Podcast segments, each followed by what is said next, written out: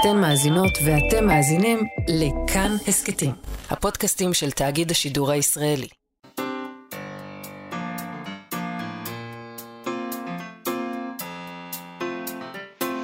מה שכרוך עם יובל אביבי ומה יעשה לה. שלום, צהריים טובים, אנחנו מה שכרוך, מגזין הספרות היומי של כאן תרבות, כל יום ב-12 בצהריים בשידור חי. אה, אתם מאזינים לנו ב-104.9 או ב-105.3 FM, זה אם אתם עושים את זה ברדיו, אבל אתם יכולים לעשות את זה גם בטלפון, באפליקציה, אחרי זה אתם יכולים לשמוע אותנו בהסכתים. אתם יכולים לעשות מה שאתם רוצים, באמת. העולם הוא ההצלפה שלכם. רק בתחום הזה, רק בתחום הזה של התוכנית שלנו. לא, לא, בכלל. יש תחומים אחרים שאתם לא יכולים לעשות מה שאתם רוצים. מבחינתי הם יכולים לעשות מה אה, שהם רוצים בכל אוקיי. התחומים, יש לזה מחיר. יש מחיר, בדיוק. יש מחיר. נכון. כאילו, אתה רוצה לנסוע 150 כמה שאתה יכול, אבל מקבלים קנס. זה פשוט עולה יותר מאשר לנסוע 90 קמ"ש. אני לא רוצה שתטעה את המאזינים, ובטח שלא את המאזינות. אה. לא. שלא ירגישו שהם קיבלו ממך אישור למשהו. תראי, המאזינות יודעות יותר טוב. בקשר למאזינים, מניסיוני עם המגדר הזה, הם בדרך כלל אה, לכן רציתי לדייק. עורכת התוכנית שלנו היא נועה בן הגיא, על הביצוע הטכני אלעד זוהר, שלום לשניכם. שלום מה יעשה לה? שלום לך, יובל. בואי נדבר על הייטק. נדמה לי שההייטק הישראלי תמיד נמצא במרכז תשומת הלב, נכון? תמיד בשנים האחרונות, כן. תמיד בשנים האחרונות. תמיד. את יודעת, בשנות ה-20 של המאה הקודמת, פחות. הוא לא היה במרכז נכון. תשומת הלב, פחות. אה, אבל אה, את יודעת, מכריזים על ישראל כעל Start-Up Nation, ומכווינים תלמידים אה, למקצועות ריאליים תוך זניחת כל מה שהומני, נשענים עליו כלכלית. אמת, נכון. נכון. מהו 99.9 מהתוצר הלאומי הגולמי בישראל? עברנו מעגבניות לשבבים. וגם במחאה, אפילו במחאה, פתאום ההייטקיסטים נהיו המנוע המרכזי בהתרחשות. אבל בספר החדש של ישי שריד, מגלה החולשות, יש עיסוק דווקא באי המוסריות של ההייטק הישראלי. אולי ההייטק הישראלי כישראל, אי המוסריות שלנו, אולי ההייטק הישראלי כסימן לאנושות. לא יודעת אם הייתי הולכת עד שם, יובל. רגע, בוא, בוא, אני, אני גם לא יודעת אפילו אם הייתי אומרת את זה, אתה יודע, בה"א הידיעה, אי המוסריות של ההייטק הישראלי, בעיניי אה, זה בעצם, הוא מדגים את האפשרויות. יש אפשרות. יש אפשרות לאי מוסריות. לאי מוסריות, והוא מדגים אותה בספר הזה. אה, לאן זה יכול ללכת? בסדר. מפה ועד, אבל כותרות, זה כותרת יפה. נכון. אוקיי, אז בוא נלך עם הכותרת שלך. יש לך כותרת, כן. תשמעי, אצל אה, ישי שריד בספר, ההייטק הישראלי צומח מתוך יחידות המחשבים המובחרות של הצבא, והוא שואב מהן גם את גאוות היחידה, שהיא הרבה פעמים אכזרית מאוד והיא שאפתנית מאוד, וגם את המצפן, המצפן המוסרי, שבצבא אין מה לעשות, יש מצפן מוסרי שונה מאשר בחברה האזרחית, נכון? נגיד בחברה האזרחית אתה לא הורג בדרך כלל אנשים אם צריך, ובצבא אתה כן הורג אם צריך. אני לא, אני לא יודעת אם הייתי אומרת את זה. יש חברות אזרחיות, אני לא יודעת, כן, בחברה האזרחית אתה לא הורג בדרך כלל... מסתייגת מכל מה שאני אומר היום, ואני לא מה... אני רוצה להסתייג פה. אתה יודע, שפשוט מדברים פה על מוסר, אז אני מתחילה... את לא אוהבת מוסר, כן. לא, לא שאני לא אוהבת מוסר, אבל יש איזה מחול אה, כן, לא. מורכב. יש בעיה כשחברת הייטק מתנהלת לפי קודים מוסריים של צבא. יכול להיות שזאת אפילו הייתי אומרת שיכול להיות בעיה. שיש בעיה בקודים המוסריים של הצבא, אם הייתי מעיזה להגיד דבר כזה. יכול להיות. אולי, אולי. יכול כן. להיות. אוקיי. אז טוב, נדבר כל זה היום על זה. ישי שריד אולי יושב את אי ההבנות כן, בינינו. כן, הוא ה... אני רוצה גם לשאול אותו למה הגיבורים שלו לפעמים בספרים, אולי בספרים האחרונים, הם נכנסים לתוך מערכת שקולטת אותם בהנאה, והם גם כן נכנסים לא בגלל שהם רוצים לשבש, אבל איכשהו הגיבורים שלו נכנסים לתוך מערכת, ואז הם הופכים לקוץ בתחת של המערכת הזאת. כן. הם נהיים בעיה. כן. זה קורה, נגיד, גם במפלצת הזיכרון זה קרה בערך, וזה קורה אצלו. נשאל אותו על זה. אה, נדבר גם עם שלומית עוזיאל, שלנו, אה, בפינת הלשון, שלה, על רמזים לשוניים שסופרים שותלים בספר עבור קוראים. זה מעניין מאוד. Mm-hmm. נגיד, לי זה בדרך כלל בטח חולף מעל הראש, כי אני לא מתוחכם מספיק. אבל שלומית עוזיאל מזהה את הדברים האלה. לא, פה ושם אתה מבין. אה. יש לך את הרגעים שלך. אם מסבירים לי לאט. אה, ולבסוף נדבר עם יונתן קרת, שעומד מאחורי הצגה חדשה, שעת סיפור. אבל לא שעת סיפור לילדים, זה לוקח את האגדה ואת הסיפור לפני השנה לילדים והופך אותם למחזה למבוגרים בלבד, מחזה פוליטי, אפשר אפילו לומר, בזהירות. Mm, קברט, אה, קברט לא כזה. לא יודע אם מותר יותר להגיד פוליטי בישראל. נבדוק איתו. נבדוק אם מותר להגיד פה את המילה הזאת, פוליטי, או שזה כמו דמוקרטיה. זו מילה שכבר כבר. אסור כן. להגיד אותה. נכון. אה, לפני כל אלה, אגב, פוליטיקה, קצת חדשות. נתחיל קודם כל עם הספרייה הלאומית. והניסיון של הממשלה לשנות את המאזן בדירקטוריון שלה, שזה דבר שהוביל לאיומים של תורמים למשוך את תרומותיהם מבחינת תוספים השמורים בספרייה, וגם בכיס, הכסף. נכון. אז בארץ אה, דיווחו היום שאחד מהתורמים האלה הוא איש העסקים היהודי בריטי, סר רונלד כהן. אה, הוא מייסד קרן ההשקעות Apax Partners. הוא מעורב כמשקיע בשורה של מפעלים וקרנות ובעשרות חברות הייטק ישראליות. אה, הוא מספר שבימים האחרונים הוא הודיע לספרייה על כוונתו למשוך את תרומתו בשל השינויים המתוכננים. יש שם ציטוט שלו: אם הוועד המנהל של הספרייה יישלט בידי הממשלה, לא תהיה לנו ברירה אלא למשוך את תרומתנו. הרושם שלי הוא שתורמים רבים מוטרדים.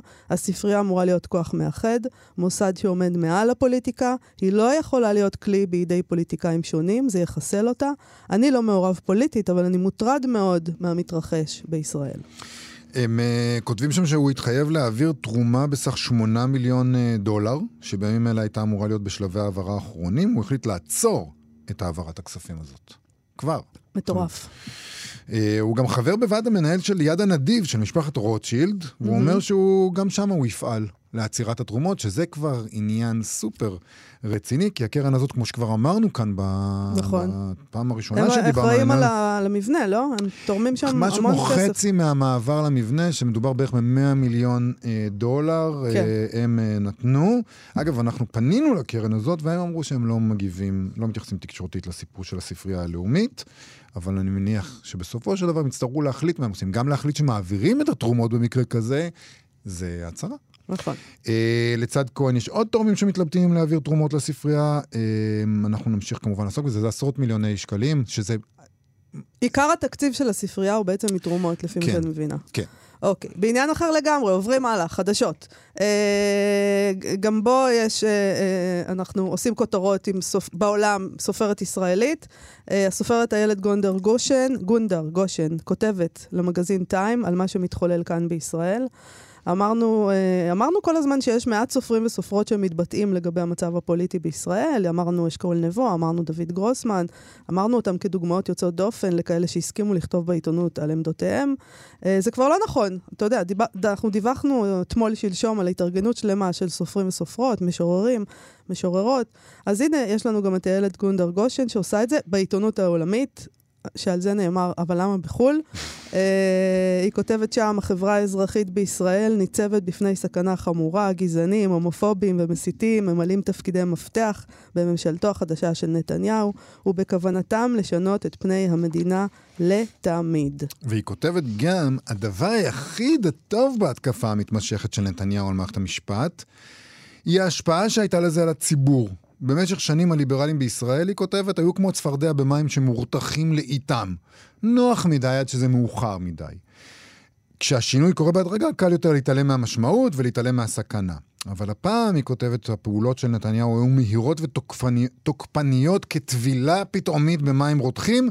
לכל הפחות, זה גרם לנו לקפוץ. זאת אומרת, זה הרבה אומרים, כן? זה שפשוט... אה, אה, מה שהטריד את הליברלים בישראל זה פתאום שדברים נעשים מאוד מאוד חזק, מאוד מאוד מהר. כן, שתינו את ההפוך שלנו, היה לנו בסדר עד עכשיו. עד עכשיו היה בסדר. זה, את יודעת, זה, הבדיחה הזאת על הילד בן הארבע שלא מדבר, כי, ש- כן, לא היה חסר לו מלח. כן, המרק היה בסדר עד Mhm. היום. אה, היא מסיימת את הטקסט שלה בשאלה, זהו מבחן עבור החברה הישראלית, האם נוכל להתנגד בדרכי שלום, שיהיו קולניות מספיק, מכדי שיוכלו להתעלם מאיתנו. מה את אומרת על זה, לכבס את הכביסה המלוכלכת בחוץ? אמרתי, למה בחו"ל? זה מה שיש לי אה, אני להגיד. חושב שזה בסדר. לא, תשמע, אני יודעת שאומרים את זה, וזה נורא מעצבן אנשים וכאלה, מכל מיני סוגים, אבל uh, היום כשהכול יש אינטרנט, ומה, הם, לא, הם רואים מה הולך פה. הם לא צריכים שיכתבו להם אותי. שם, כאילו. הם עושים Google Translate. לא צריך Google Translate, כל העולם מדבר על זה. נכון, אני יודעת, את לא, יודעת, שמענו בחדשות שהפרשן הבכיר של הניו יורק טיימס נכון, אה, כותב על. המצב בישראל. אבל עדיין זה מפריע לנו, נכון? עדיין יש הרבה בעם שאומרים, בסדר, בסדר. אבל למה בחו"ל? אבל למה את עוד בטיים מגזין? זה ממש ערוותנו פרוסה מול... סוף סוף יש לבן אדם הזדמנות לכתוב טקסט בטיים מגזין, אנחנו נכתוב מה שהם רוצים לשמוע, אין לנו בעיה עם זה. לא, זה גם טקסט שאומר כאילו, את יודעת, זה לא, זה, זה לא טקסט, אני לא יודע, זה, האם זה מגלה משהו חדש? זה פשוט קול מבפנים, וזה קול מקהילת הספרות. לא, יש כאן אבל, אה, בעצם יש פה איזה איום, אתה שם לב, איום מרומז, זה כאילו רך כן? וזה, אבל תראה, כשהיא כותבת, האם נוכל להתנגד בדרכי שלום, מה בעצם אה, יש שם מתחת לדבר, לשורה הזאת? שיכול להיות שזה לא יהיה בדרכי שלום. לא, שיכול להיות שזה יהיה באלימות. זה פרשנות שלך. כמובן. אפשר לקרוא את, את השורה האחרונה הזאת בשתי דרכים. או שזה אומר, אם דרכי שלום שלנו לא יהיו קולניות מספיק ויתעלמו מהן, אנחנו נעבור לאלימות. ואפשר להגיד שאנחנו נ, נדבר בדרכי שלום אה, שיהיו קולניות מספיק כדי שלא יתעלמו מאיתנו, אבל יכול להיות שכן יתעלמו מאיתנו, ואז אנחנו אני בבעיה. לא רואה את זה, איך אפשר לראות את זה ככה. כשהיא שואלת, האם נוכל להתנגד בדרכי שלום, ויש סימן שאלה שם בסוף, אז איך אתה יכול לקרוא את זה ככה, אני לא יודעת. אבל אתה פשוט אדם אה, אני אופטימי, פשרן. טקסטים, טקסטים שלא מתפענחים. אוקיי, בסדר אה, גמור. בצורה מוחלטת ומובהקת מיד מיד. עניין אחרון משמח. כן. אה, אפרופו, לא- למה, למה בחו"ל? למה בחו"ל? מעיין בחו"ל? איתן, למה בחו"ל?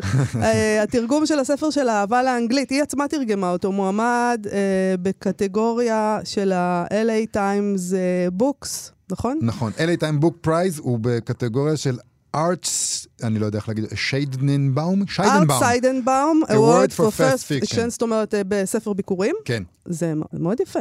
הזוכים אה, יוכרזו ב-21 באפריל. זה פרס שמחולק מאז 1980 בתשע קטגוריות. בקטגוריית הפרוזה זכו בעבר אנשים נכבדים כמו איאן מקיואן, גבריאל גרסיה מרקס, ג'ניפר איגן, רות אוזקי ועוד כל מיני כאלה חשובים.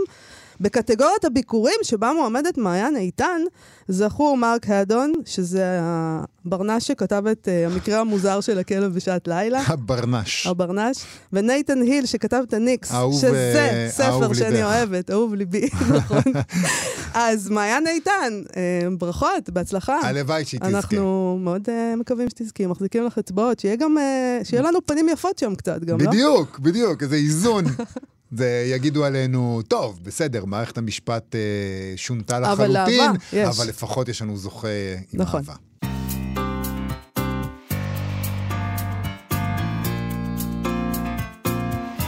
מה שכרוך בכאן תרבות חזרנו אחרי הפרברים. זיוי, הוא חייל משוחרר. זיוי קוראים לו. כן, כי אם היו קוראים לו זיו, קוראים לו זיו, וזה שם חיבה. כן, אבל זיו הוא מסיירת מטכ"ל. זיוי הוא מ-8200.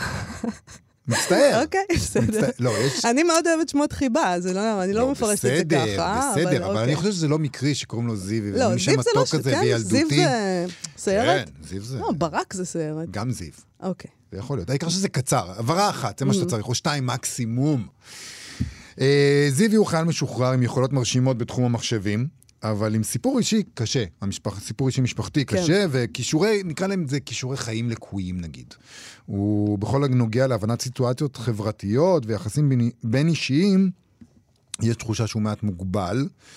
והדבר הזה מתגלה דווקא כיתרון, כשהוא מגויס לחברת הייטק יוקרתית שמתמחה בפריצות לטלפונים סלולריים של אנשים כדי לרגל אחריהם, שולטים בטלפונים האלה מרחוק, זה הייטק מאוד מאוד מתוחכם, הם לא צריכים אפילו שתעשה כלום, יודעים את המספר שלך והם נכנסים. והיכולות האלה נמכרות, מתברר, לכל המרבה במחיר, ממדינות באפריקה ובדרום אמריקה ועד לבעלי אינטרסים ממש כאן בישראל, תמיד תחת האצטלה הזאת של uh, תפיסת אנרכיסטים וטרוריסטים שמאיימים למוטט עלינו את הסדר שהצלחנו לכונן נכון. במאמץ רב. אבל לא בטוח שזה בדיוק הקריטריון המוביל בבחירת הלקוחות שלהם נמכרת המערכת הזאת. וכשהכוח כזה אה, מגיע ללקוחות שהם נטולי מוסר, אפילו אם נגיד הם בדרום אה, אמריקה, כן? אז מתחיל להיות מאוד מפתה לנצל אותו בעצמך. אתה אומר, אם זה לא מוסרי, בסדר, מה, מה, מה מוסרי כאן בעצם? ברור, אם היה לנו את היכולת הזאת, לי ולך. וואו. וואי, וואי, וואו. וואי, וואי, וואי. כל הדבר הזה קורה במגלי החולשות, ספר החדש של אה, ישי שריד, עורך דין וסופר, זהו ספרו השביעי, אחרי, למשל, השלישי, מנצח את מפלצת הזיכרון, רק, בין, רק אה, אה, חלק מהספר רשימה שכתב. חלקית. שלום ישי שריד. שלום יובל ושלום מאיה. שלום וברכה. אתה יודע, אנחנו דיברנו על זה, על, על זה שההייטק הישראלי נתפס כל הזמן כמושיע. הוא קטר כלכלי, הוא, הוא, אנחנו אור לגויים, אנחנו Start-Up Nation, עכשיו גם נתלים באנשיו וגם בכסף העמוק שלהם כ, כמנוע של המחאה נגד מהלכי הממשלה, ואתה בוחר להראות דווקא את מה שעלול להיות מושחת, דווקא את מה שעלול להיות את, אה, תאבי בצע, את הכוח שגלום בו, שלפעמים משתמשים בו... את הבעיה המוסרית שיכולה להיות המוסרית, פה. כן. כן, יש אה, עולם שלם שהוא מתחת לקרקע, והוא פעיל כל הזמן, הוא חלק מהחיים שלנו, והרבה אנשים אה, טובים עוסקים בו, עושים, עוסקים בו, עושים בו הרבה כסף, חושבים שזה בסדר, המדינה משתמשת בזה ככלי אסטרטגי ליצור קשרים דיפלומטיים, אה, וזה דבר, אה, דבר מאוד קשה. זה גם נמצא על איזשהו בסיס, אני חושב, שכולנו אה, איזה שהם אה, אנשים שעוסקים במודיעין טכנולוגי כל הזמן. מהרגע שיש רשתות חברתיות, וכשבא אליך בן אדם לפגישה ואתה לפני זה בודק אה, מה שאתה יכול עליו במודיעין הגלוי, כן. באינטרנט וכולי, ויש אנשים שאפילו עושים את זה בצורה יותר משוכללת וכל מיני שיטות, אז כולנו מתעסקים במודיעין הזה, והם, אה, יש להם את הכלים הכי טובים כדי לעשות את זה. אתה אומר, זה לא עניין של מהות, זה עניין של אמפליטודה. כולנו עושים את זה, אבל הם פשוט, יש להם כלים יותר מתוחכמים להגיע יותר עמוק. נכון, אני, אה, ולכן כולנו בעניין הזה. זאת אומרת, אני לקחתי דמות שהיא באמת בקצה, והיא, והיא מין אה, סופרמן מבחינת היכולות שלה.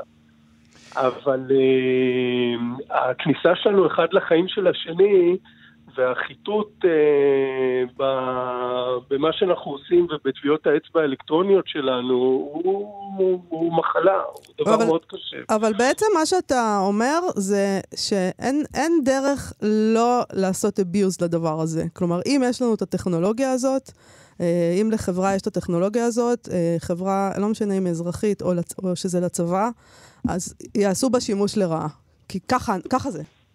ברור, ברגע שיש את הכלי הזה, והכלי הוא מאוד נוח ומאוד זמין, זאת אומרת, אה, אני במסגרת התחקיר שעשיתי, למשל היה לי חשוב לבדוק האם, כי בזמנו אני זכרתי שפורסם שאתה צריך, אה, לא רק פורסם, אלא אנחנו יודעים שהולכים לנו אה, כאלה סוסים טרויאנים, רוגלות כאלה. כן. ואז אתה צריך להקיש על משהו ואז, ואז לוכדים אותך. וזה היה לי חשוב לצורך הסיפור, שלא יהיה צורך את כל הסרבול הזה, ובדקתי במקורות הגלויים ובתחקירים שנעשו על החברות האלה, אפילו את זה כבר לא צריך. Hmm, אז זה נכון, אה, זאת אמת אז מה בפרסום. שכתבת הוא לא איזה דיסטופיה עתידנית, אלא המציאות שבה אנחנו נמצאים כיום. לא, אני אף פעם לא כותב דיסטופיות, יובל. אבל זה קצת... זה מאוד לא מצער שזה לא זה- דיסטופיה. למרבה הצער, הכל אמת. אה, רגע, רגע, הבית כן. השלישי, אנחנו עוד מעט נגיע לבית השלישי שלך. זאת אומרת. אנחנו נחזור כן. אליו. כן. תשמע, אבל אתה אומר, אה, אתה אומר שזיוי, הגיבור שלך, הוא דוגמת קיצון מבחינת היכולות הפנומנליות שלו בתחום המחשבים, אבל הוא דוגמת קיצון, אם הוא מעיד עלינו, נכון, הוא בסך הכל איזה דוגמת קיצון של מה שאנחנו עושים ממילא, אז גם הצד השני של המטבע, של האופי שלו, הוא דוגמת קיצון של מי שאנחנו כולנו ממילא, וזה האטימות הזאת, המוגבלות שלנו, כי הרי כשאנחנו, כש, כשמישהו בא אלינו, אה, לפגישה, כמו שאתה אומר, ואני קודם כל בודק מה הוא הצביע אה, בפייסבוק שלו, אז זה דורש ממני להיות קצת אטום רגשית. לא להסתכל עליו כבן אדם, אלא לסכם אותו לאיזה סך של פיקסלים ש... שאני יכול להסיק עליהם מסקנות. זה דורש ממני לכבות משהו רגשי, וזיוי הוא באמת, הוא מעט אטום. לא מעט, הוא די אטום, הוא לא מפענח רגשות אה, אנושיים כמו שצריך. אה, יש עבודה וצריך אה, לבצע אותה. לא יודעת אם הוא אטום, יש לו חרדה חברתית. בסדר, לא, חרדה. חרדה חברתית. כן, כן, כן. אני רוצה לצאת כן, להגנתו אני- של זיוי. אז כאילו. אולי כולנו כאלה גם כן. אולי אתה, אולי אתה... אולי אני... לא, לא כולן, לא כולן. לא נניח מאיה לא נראית לי כל כך ככה. לא כל כך. לא כל כך. אני, אני דרך אגב די ככה. כן? אה, ודאי, כן, Mm. בטח. אני, כשאני נכנס לחדר עם הרבה אנשים, אני ישר מתחילה הסחרחורת, באופן אוטומטי. עדיין? מה זאת אומרת? אבל אתה נכנס לבית משפט, יש שם שופט, יש שם עוד עורכי דין, צדדים. אז אה, שופט, יש את הטקס ויש את כל המתכונת, אני נכנס לתפקיד, ואני Mm. לבוש עם הגלימה וכל הסיפור הזה. אבל אה, בסיטואציות פחות אה, פורמליות, דרך אגב, גם אין לי את זה כשאני בא להרצות. זאת אומרת, כשאתה נמצא באיזושהי עמדת סמכות או כוח, כן. אז זה פחות, אבל כשאתה בא במגרש פתוח ואתה צריך small talk ו- להציג את עצמך, ואנשים זה שזה, קשה לי עם זה עד היום, בטח שכן. זה בדיוק העניין, הזיוי שלך הוא בתוך עמדת כוח, וזה מאפשר לו אה, לפעול בצורה שמנוגדת לחלוטין. נכון. זה מאפשר לו לממש את כל המאוויים שהמוגבלות החברתית שלו לא מאפשרת. תשמעו, מאחורי כל הסיפורים שלי, וזה לא משנה מה זה יהיה, והמקומות הרחוקים שלהם אני הולך, אני נמצא שם, כן. זה כמובן לא במאה אחוז אני, כמובן אני מפריז, ואני... שולח את עצמי לכל מיני הרפתקאות, אבל במובן הרגשי העמוק אני תמיד נמצא שם. זאת אומרת שיש איזו פנטזיה כזאת של uh, uh, הכוח הבלתי מוגבל הזה שפתאום יש. Uh, כן, לא, נכון, נכון, והרבה פעמים, תראי, בתחילת ה... אחרי שהתחלתי לכתוב את הסיפור, שהסתובב אצלי בראש הרבה שנים ולקח זמן עד שהצלחתי ככה לנעול אותו כמו שצריך, התפרסמה, התפרסם הסיפור של קצין המודיעין ש, שנכלא ומת בכלא. כן. אמ, ואני לא יודע על זה שום דבר מעבר למה שפורסם, ומה שפורסם, שהבחור היה אה, בחור מאוד מוכשר בתחומו, עוד לפני הצבא, mm-hmm. ועבד בסטארט-אפים וכולי. רק הצבא, אה, במסגרת הליכי המיון שלפני הגיוס, איתר שיש בעיה רגשית שם, שיש בעיה חברתית. אה, ולא עמד בפיתוי וגייס אותו בכל זאת לתפקיד הזה. כן. אה, זאת אומרת, יש פה, יש, יש יחס כמעט ישר, אני חושב, בין אנשים שמצטיינים בתחומים האלה, ועוד מתקופת נעוריהם המוקדמת או מילדותם שקועים כל היום וכל הלילה במחשב. ובביטים ובדברים האלה, לבין הכישורים החברתיים, בדרך כלל זה לא יהיו האנשים שנמצאים בחצר עם החבר'ה ומשחקים כדורסל, הולכים למסיבות, כן. אה, אבל בלי לעשות ספוילרים, אה, כן. אז בוא נדבר על הבחור הזה, אה, שגם, אני לא, לא יודעת אם פורסם בסוף השם שלו או לא, אבל לא משנה. נעזוב, כי אני לא יודעת את כל הפרטים שאנחנו לא יודעים, אבל... לא, אני, גם, אני גם כן לא יודע, חוץ ממה ש, שפורסם נכון. ומה שאמרה המשפחה שלו. אבל גבל. המערכת תמיד מנצחת, זה הסיפור. ליבי, ליבי, ליבי יוצא אליו. נכון. כי... הוא כן. קורבן, אבל, והמערכת תמיד מנצחת. בוא נגיד את זה. אני, אתה עורך דין, תגן עליי אחרי זה מלשון הרע או משהו. אבל המערכת, אי אפשר להילחם במערכת. המערכת תמיד תגיד, אה, היה איום, היה טרור, הוא בגד, אה, והיא תנצח אותך. אתה לא יכול לנצח אותה. זה נכון. זה נכון. למעט מקרים חריגים ביותר, את יודעת מה, הפנטזיה הרי... זה להיות אמיל זולה במשפט דרייפוס. נכון. כן? זאת נכון. אומרת, אה, אז יש מקרים בודדים בהיסטוריה. אה, אני בכל ההיתקלויות שלי במערכת הביטחון, אה, בהיותי עורך דין, זה תמיד בסוף אתה מגיע לבית המשפט, אתה מגיע לבג"ץ, ומוציאים אותך מהאולם. ומספרים לשופטים סיפורים של חומר חסוי, ואתה לא יודע מה נאמר שם בפנים, ואז כשאתה חוזר אומרים לך, אדוני, אה, אין לנו מה לעשות עם זה, ולך הביתה. כן. אבל עד שזה קורה, אולי אה, לא רק בספר הזה, אלא בכלל, אם אנחנו מדברים על מערכות, אז אנחנו יכולים לדבר גם על מערכת הזיכרון הלאומית שהתעסקת בה, ועל צה"ל שהתעסקת בו, ועכשיו פה באמת במערכות אה, ביטחוניות אזרח, חצי אזרחיות נקרא להן. הרבה פעמים הגיבור שלך נכנס לתוך מערכת מפוקפקת אה, בלב חפץ, אה, כי הוא נהנה ממנעמיה, או כי הוא חושב שזה ראוי, או כי הוא חושב שהוא עושה משהו טוב. ואז הוא מגלה את האלמנטים הלא מוסריים או המושחתים שיש בתוך המערכת הזה, והוא הופך לקוץ בישבן של המערכת. זה קרה, נגיד, במפלט... במידה מסוימת זה קרה גם במנצחת במפלצת הזיכרון.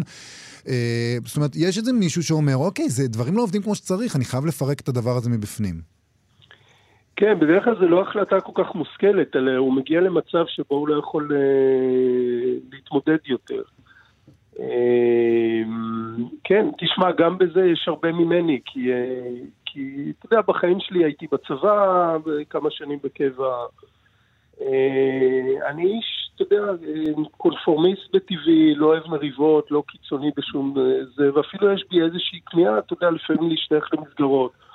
ו- ואני פעם אחר פעם, אפילו בעבודה המשפטית שלי, אני מוצא את עצמי בסוף בחוץ, כן, או לבד, או לא, לא משתלב במערכות הגדולות האלה, כן.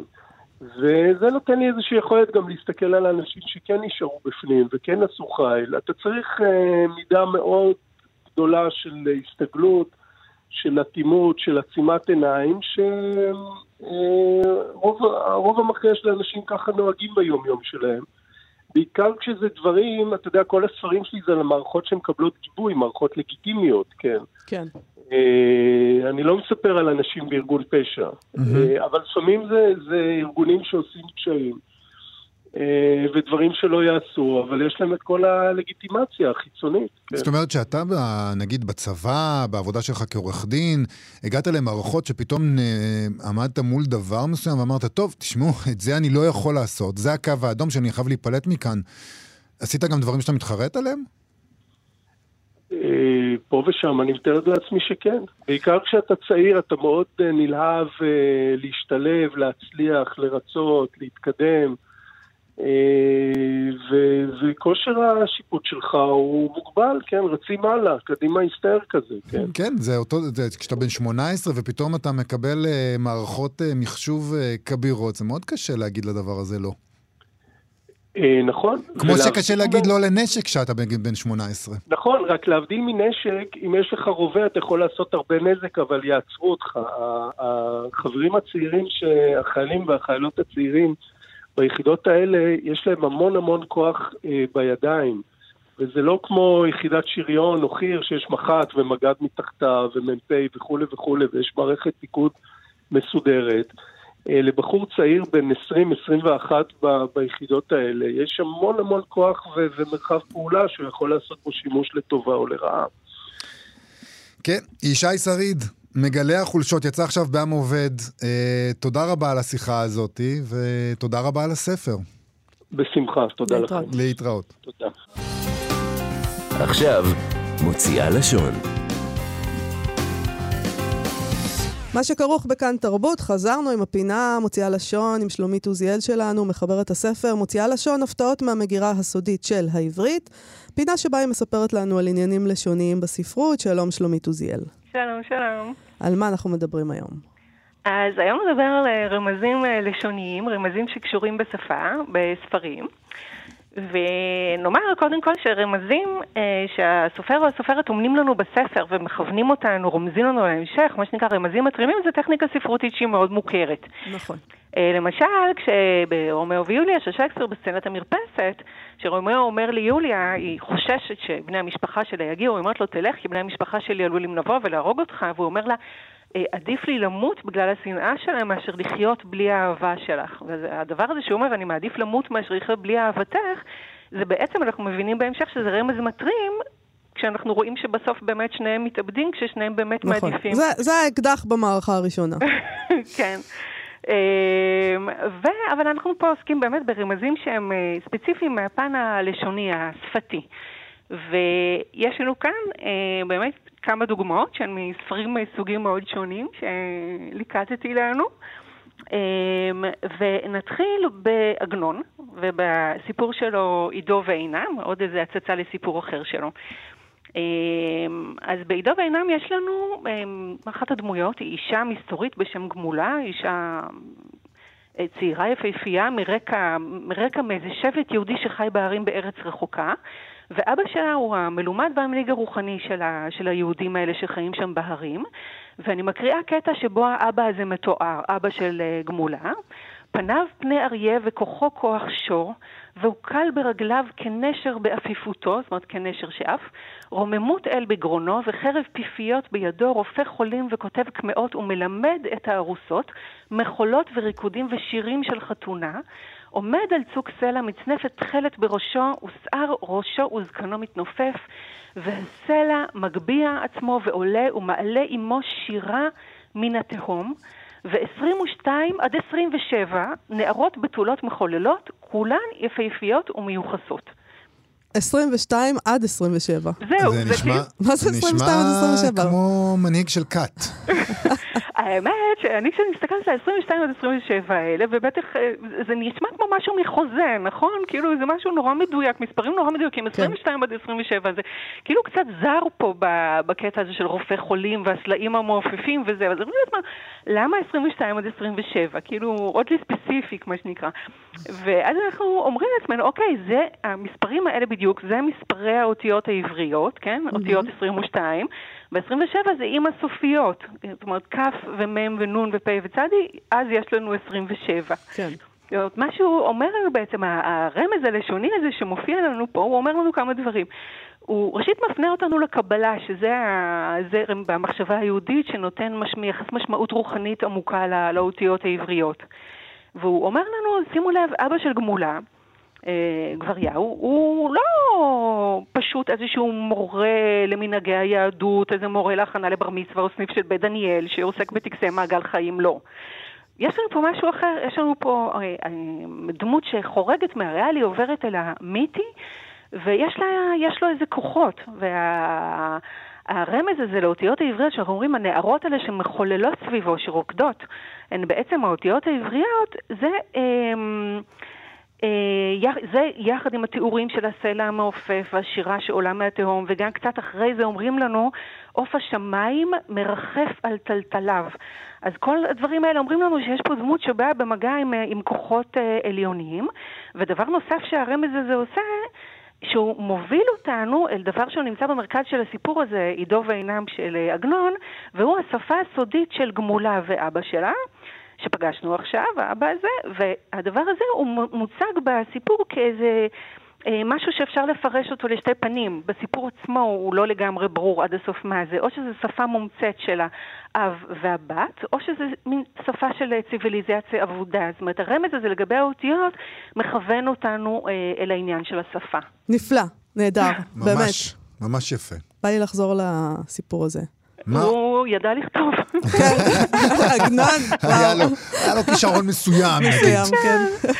מה- עוד? איזה עוד אז יצירה? זהו, אז עוד משהו, אנחנו באמת יצא לנו כמה פעמים כבר להתייחס בפינה ל- לפתיחה של בדמי המאה, גם כן של עגנון, כי באמת זו פתיחה אה, נפלאה. אבל אנחנו, שוב, לא התאפקתי ואנחנו נחזור למשהו אחר בפתיחה הזאת, שבה נאמר על ה... אה, על האימא המתה של תרצה, קודם היינו עם אבא, עכשיו אנחנו עם אה, אימא, עם אימא של תרצה מבדמי המאה, שנאמר עליה משפט נורא מפורסם, מעט ורעים היו ימי שני חייה, אוקיי? כן. עכשיו, מה כאילו לכאורה זה אומר? חייה היו אה, קצרים ולא טובים. כן. אה, אבל מעט ורעים היו ימי שני חייה. נשים לב למילה הזו, שני, הרי בדרך כלל היינו אומרים שנות חייה, נכון? כן. זה הצורה הרגילה.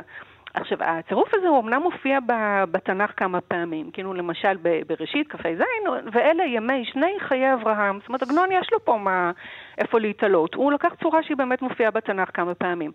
אבל בכל זאת יש מי שרואים בבחירה הזאת רמז למשהו אחר, כאילו עוד פעם רמז מטרים כזה, שאומר לנו שלאימא הזאת היו שני חיים, ימי שני חייה, שהיו לה חיים כפולים לאימא, לאה, אימא המתה. החיים שהיו לה עם הבעל של המינץ, אבא של תרצה, והחיים שלא היו לה עם הגבר שהיא אהבה באמת, שזה הקוויה המזל. זאת אומרת שהשני חייה האלה זה מצד אחד החיים האמיתיים, החיים שלה בפועל, ומצד שני סוג של חיי צללים, החיים ש... שהיא רצתה ולא היו, שהתקיימו. במחשבה של כל המעורבים בעצם. זה גם יפה. טוב, נו, גם... אה, כ- עגנון, הוא עדיין יודע לכתוב. הוכיח שהכישרון שלו זה משהו עקבי. מה עם אה, עוד סופרים אה, וסופרות? זהו, אז אה, ספר מסוג אחר, שקרים שקטים של הסופרת אה, מיכל שלו, אה, מלפני שנתיים בערך. אז כשקוראים את הספר הזה, שמו לב לזה גם חלק מהמבקרים, שהדמויות בספר יש לכמה משמות די יוצאי דופן. ישנו סהר ו... ולירי וסול. אה, ויעל, זאת אומרת, יש כמה שמות די יוצאי דופן. ואז לקראת סוף הספר, הקוראים באיזשהו שלב מבחינים, יש לקוות שהדמויות הולכות ומתארגנות בזוגות עם שמות תואמים. חלק לפי הצליל, חלק לפי התוכן. ואז יש לנו מיכל ומיכאיל, ולילה וסהר, זאת אומרת לילה וירח, וסיוון ומאי, שזה שמות של חודשים, ולירי וסול, שזה שמות מוזיקליים. אה, מעיין ופלג, שמות שקשורים למים. עכשיו, יש פה משהו שהוא יפה, כאילו, נשים לב שראשית זה לא דווקא שמות שיש להם משמעות ביצירה, ביצירה, בספר, לחלק מהם יש אגב, אבל זה לא רק זה. אלא שנוצרים לנו פה זוגות זוגות, סטים כאלה, שהם אה, עם משמעות. עכשיו, פה הקורא אומר לעצמו, רגע, רגע, אה, חלק מהזוגות די מפתיעים, אגב, דמויות די משניות שפתאום נוצר ביניהן קשר שלא היה צפוי, והקורא אומר לעצמו, רגע, יש פה זוגות עם שמות דומים, מי עוד, רגע, מי עוד יש לנו בספר, מה, מה הולך עוד לקרות פה? כאילו, יש פה איזה אפקט של אהה כזה, mm-hmm. שהוא דבר שהוא אופייני לרמזים מתרימים בספרות בכלל, כי הרי מה רמזים מתרימים ביצירה עושים בשבילנו בין השאר? הם מסקרנים, הם יוצרים מתח, מה זה, מה, מה הולך להיות פה, וחוץ מזה, הם נותנים לנו כאילו זה לחיצת יד כזאת בין המחבר לקוראים, שאומרים, לא, לא נפלנו עליך סתם, זה, בנינו את זה. כן. עכשיו, מה שיש פה עוד יפה, זה שהסופרת מיכל שלו, יש פה, היא עושה איזה בדיחה כזאת, שוב, בינינו לבינה. כי בשלב יותר מוקדם בספר, אחד הגיבורים אומר, ככה הוא אומר, החברה לא יכולה לקבל, כאילו שמישהו יהיה בזוג, כי היא רוצה שכולם ימשיכו הלאה, ישכחו, יסתדרו, כמו מין קובייה הונגרית כזאת, שהשאיפה היא לארגן את כל הצבעים יחד וזה נחשב הצלחה. אבל בפועל יש מצבים שאי אפשר לארגן כמו שכולם רוצים. יכול לקרות שאתה מתאהב באדם מסוים והוא לא רוצה אותך, ואתה לא מצליח להשתחרר מזה. זאת אומרת, היא מציגה לנו פה, מפי הדמות הזאת, איזה תזה של אנטי קובייה הונגרית. לא לכל סיר יש מכסה, זה בסדר, כן?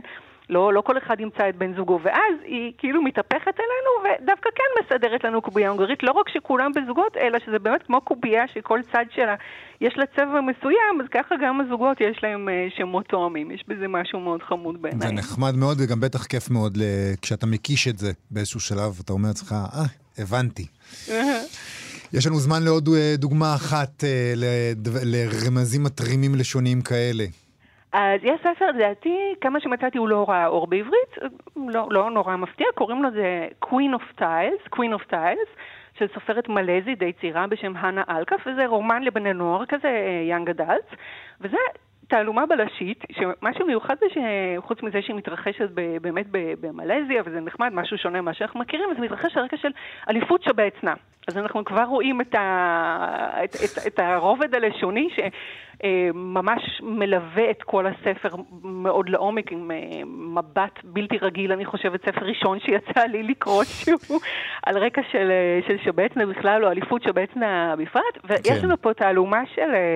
אה, של מוות או רצח, כי השנה בתחרות, אליפות שבצנה של שנה קודם, משפיענית האינסטגרם ואלופת השבצנה טרינה, בת 16, מתה פתאום במהלך משחק, נפלה, מתה על, ה, על לוח השבצנה, ובמהלך הספר הזה, שזה מתרחש, העלילה שלו מתרחשת שנה אחרי זה, החברה הטובה שלה, היא מתמודדת גם עם האבל, היא גם מנסה לנצח בתחרות, וגם היא מתחילה לקבל אה, רמזים מפתיעים כי מישהו משתלט על חשבון האינסטגרם של טרינה, המנוחה, ושולח רמזים בצורת אה, רצפים של אותיות שבעצנה. זאת אומרת, הוא רומז בעצם לאנשים שמשתתפים, לבני הנוער שמשתתפים בתחרות, הוא אומר, משהו קרה פה, בואו תנסו לפתור מה קרה פה, כאילו, וה...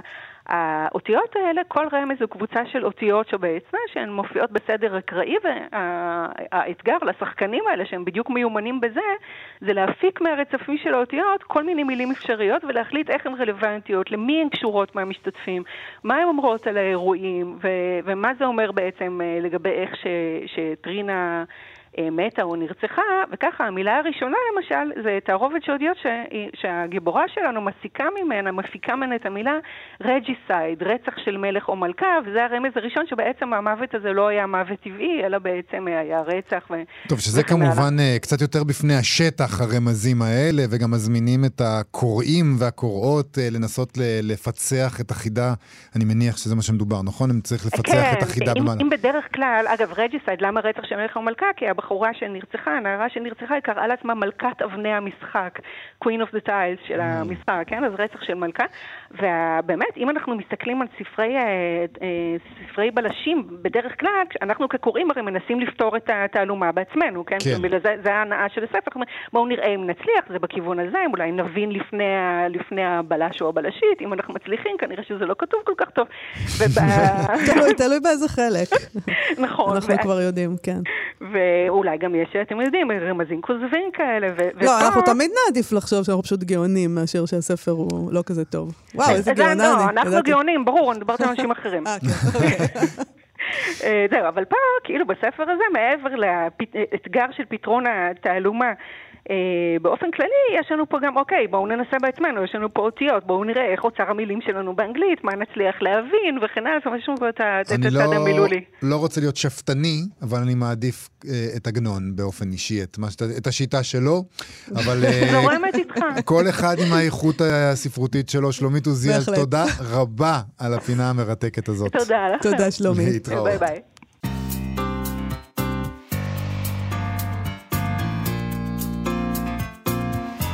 מה שכרוך בכאן תרבות, חזרנו. כשאני שומע את המילים שעת סיפור, בעוונותיי, אני מגיע במחשבתי לחדר מאובק בספרייה עירונית קטנה. שם יושבים קרוב לאין סוף ילדים מול מישהו שבתקווה אינו שחוק לגמרי, שפשוט מקריא להם מספר. וקוראים לזה, וזה זה ממלא את השעות ה- בין ארבע וחצי לשמונה, זה ממלא איזה חצי שעה. אה, אבל ההצגה שעת סיפור היא לא לילדים, אלא סיפור לפני השנה למבוגרים בלבד, וזה לוקח את המודל הזה של ההגדה והופך אותו, למשל, לא תמיד נעים על החיים כאן, שבעצמם לא תמיד נעימים אגב. מי שעומד מאחורי ההצגה שעולה מחר בצוותא הוא יונתן קרת, יוצר בתחום המוזיקה והתיאטרון, מלחין, מעבד ומנצח. שלום יונתן קרת. שלום רב, שלום, איזו הקדמה מפוארת ומ- ומפארת. בהחלט. תגיד, יונתן, מה, מה קורה שם בהצגה הזאת? על מה כתבת? אה, תראי, עד היום אה, אין, אין לאיש תשובה, אבל... אה, תנסה. אני, אני, אני אשתדל. אה, אז בעצם אני, אני חושב שזו זו, ה- ה- ה- ההצגה, מבחינת המסר שלה, היא באמת אה, כאילו באה לדבר על איזושהי מציאות פה של אה, הרצון שלנו לווילה בג'ונגל, או הרצון להידמות ל... לתרבויות גדולות ונפלאות, והפער שהמציאות מציגה הרצון הזה בדרך כלל. אה, ובאמת, אה, כפי, ש, כפי שהצגתם קודם, אז השימוש הזה במודל של שעת סיפור, וגם הצגה היא כולה כתובה בחרזים ומולחמת מולחמת באיזו נאיביות, זה מבחינתי לפחות בא להראות את הדיסוננס בין הרצון הכל כך חזק, אה, לפחות של הדמות הראשית, להיות אירופאית, בין המציאות שהיא אינה אירופאית כלל וכלל. אה, אז- ולמה דווקא באמת אה, אה, סיפור לפני השינה, אגדה, הרי מה שקורה שם הוא מאוד ארצי, הוא לא אגדתי.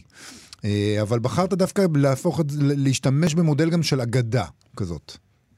אה, אמת. א', אה, אז אני, בוא נגיד אני אחלק את זה ל- לדעתי שניים או שלושה סעיפים, יכול להיות שייוולד אחד בהמשך. אה, אז גם אני חושב, אני חושב שבאופן טבעי קצת, אה, אני, ב, ב, ב, ביצירה אני נמשך לעולמות שהם קצת יותר פנטסטיים כאלה, ואני אני חושב שהמקור של המשיכה הזאת הוא, הוא בזה שאני בעצם מגיע ממוזיקה. ולא בהכרח מתסריטאות, ואני תמיד חושב שמוזיקה בעצם המקום שהיא מתקיימת בו הכי בטבעיות, זה דווקא בעולמות שהם, אה, ב- ב- ב- בעולם לא כאן ובזמן אחר. כאילו, היא, היא רשאית אה, לזרוק אותנו לאסוציאציות רגשיות שהן קצת אה, רחוקות, ואני נהנה מהאסקפיזם הזה שמוזיקה מציעה. אה, ואני חושב שהסיבה השנייה היא באמת בשביל, יש הרבה דברים בהצגה שהם... אה, אני, אני קורא לזה הומור שירותים, או כאילו חלק מהסנסציה זה גם קצת ליהנות מ- משפה קצת בוטה, או מבדיחות קצת אה, וולגריות.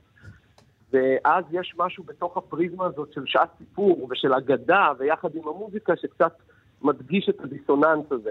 הופך אבל אותנו כן לילדים שמתרגשים פתאום, שאומרים כזה איזה מילה גסה ואנחנו כזה מצחקקים לנו.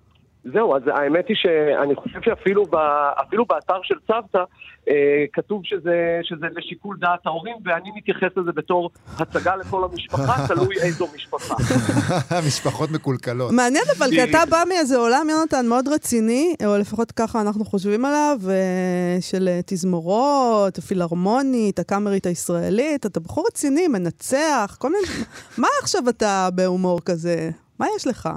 זה נראה לי ההישרדות היחידה. אני, יכול, אני, אני יכול להגיד לך שגם אני בהימצאותי בעולם הרציני הזה הרבה פעמים נתפס בתור ה... או, אני לא אגיד ליצן החצר, אבל uh, כאילו הטיקט שלי הוא קצת uh, הקללת הרצינות בתוך הזירה הרצינית הזאת. אז זו באמת זירה רצינית, זה לא סתם שזה נראה מבחוץ ככה, נכון? כשאתם אה, יושבים שם עם החליפות וכל הדבר הזה, אתם רציניים. כן, כן, יש, אה, יש אה, בוא נגיד המימד הטכני התפעולי, הן של המוזיקה, הן של השירה ושל המשחק, הוא לגמרי רציני. אני חושב שמה שלא רציני זה, כאילו, ולא רציני במרכאות, אני חושב שאנחנו לא לוקחים את עצמנו ברצינות יותר מדי. כאילו, אני חושב שזה זה, זה, זה הפער. מלאכתנו נעשית ברצינות.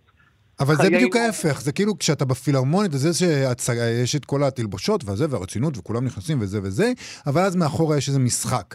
וכאן בדיוק ההפך. כאן יש משחק ומאחוריו בעצם יש משהו רציני, כי בעצם זו הצגה פוליטית, אתה עושה בדיוק את ההפך. בעצם ההצגה שלך היא מאוד רצינית. אמ, אני, אני נאלץ להסכים איתך, אה, ואני חושב שגם יותר קל לי להסכים איתך מאשר להעיד אה, בעצמי שמדובר בהצגה רצינית, כי שוב, כי זה מרגיש לי, מי, מי אני, קטונתי מלתת איזו אמירה אה, נוקבת יותר מדי, אבל את זה אני ממש משאיר לקהל אה, להחליט עבורי. אני אז- מעדיף שהם יחליטו עבורי. אז שיחליטו ביום רביעי, נכון? זה, אתם- מחר. זה עולה, מחר. שעת סיפור, יש אה, הצגה בצוותא. אה, שיח- שיחליטו, אכן, ב- באיזה שעה? ביום רביעי בשמונה וחצי בצוותא, אה, אנחנו נהיה חלק מהשיבושים שהמדינה חווה באופן כללי. אה, נכון, הכל יהיה משובש באמת. יופי, שיהיה לכם בהצלחה עם זה, לכולם, עם החנייה והכל. יונתן קרת. שעת סיפור בצוותא מחר, תודה רבה לך יונתן קרת. תודה רבה. להתראות. עם זה אנחנו מסיימים, מאיה. נכון. אה, הייתי נשאר פה עוד שעה-שעתיים, אבל אנחנו נאלצים אה, לחתום את התוכנית תבוא להיום. מחר.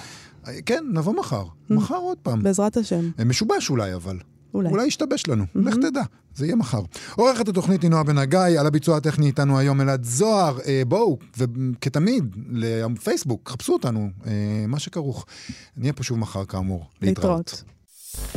אתן מאזינות ואתם מאזינים לכאן הסכתים, הפודקאסטים של תאגיד השידור הישראלי.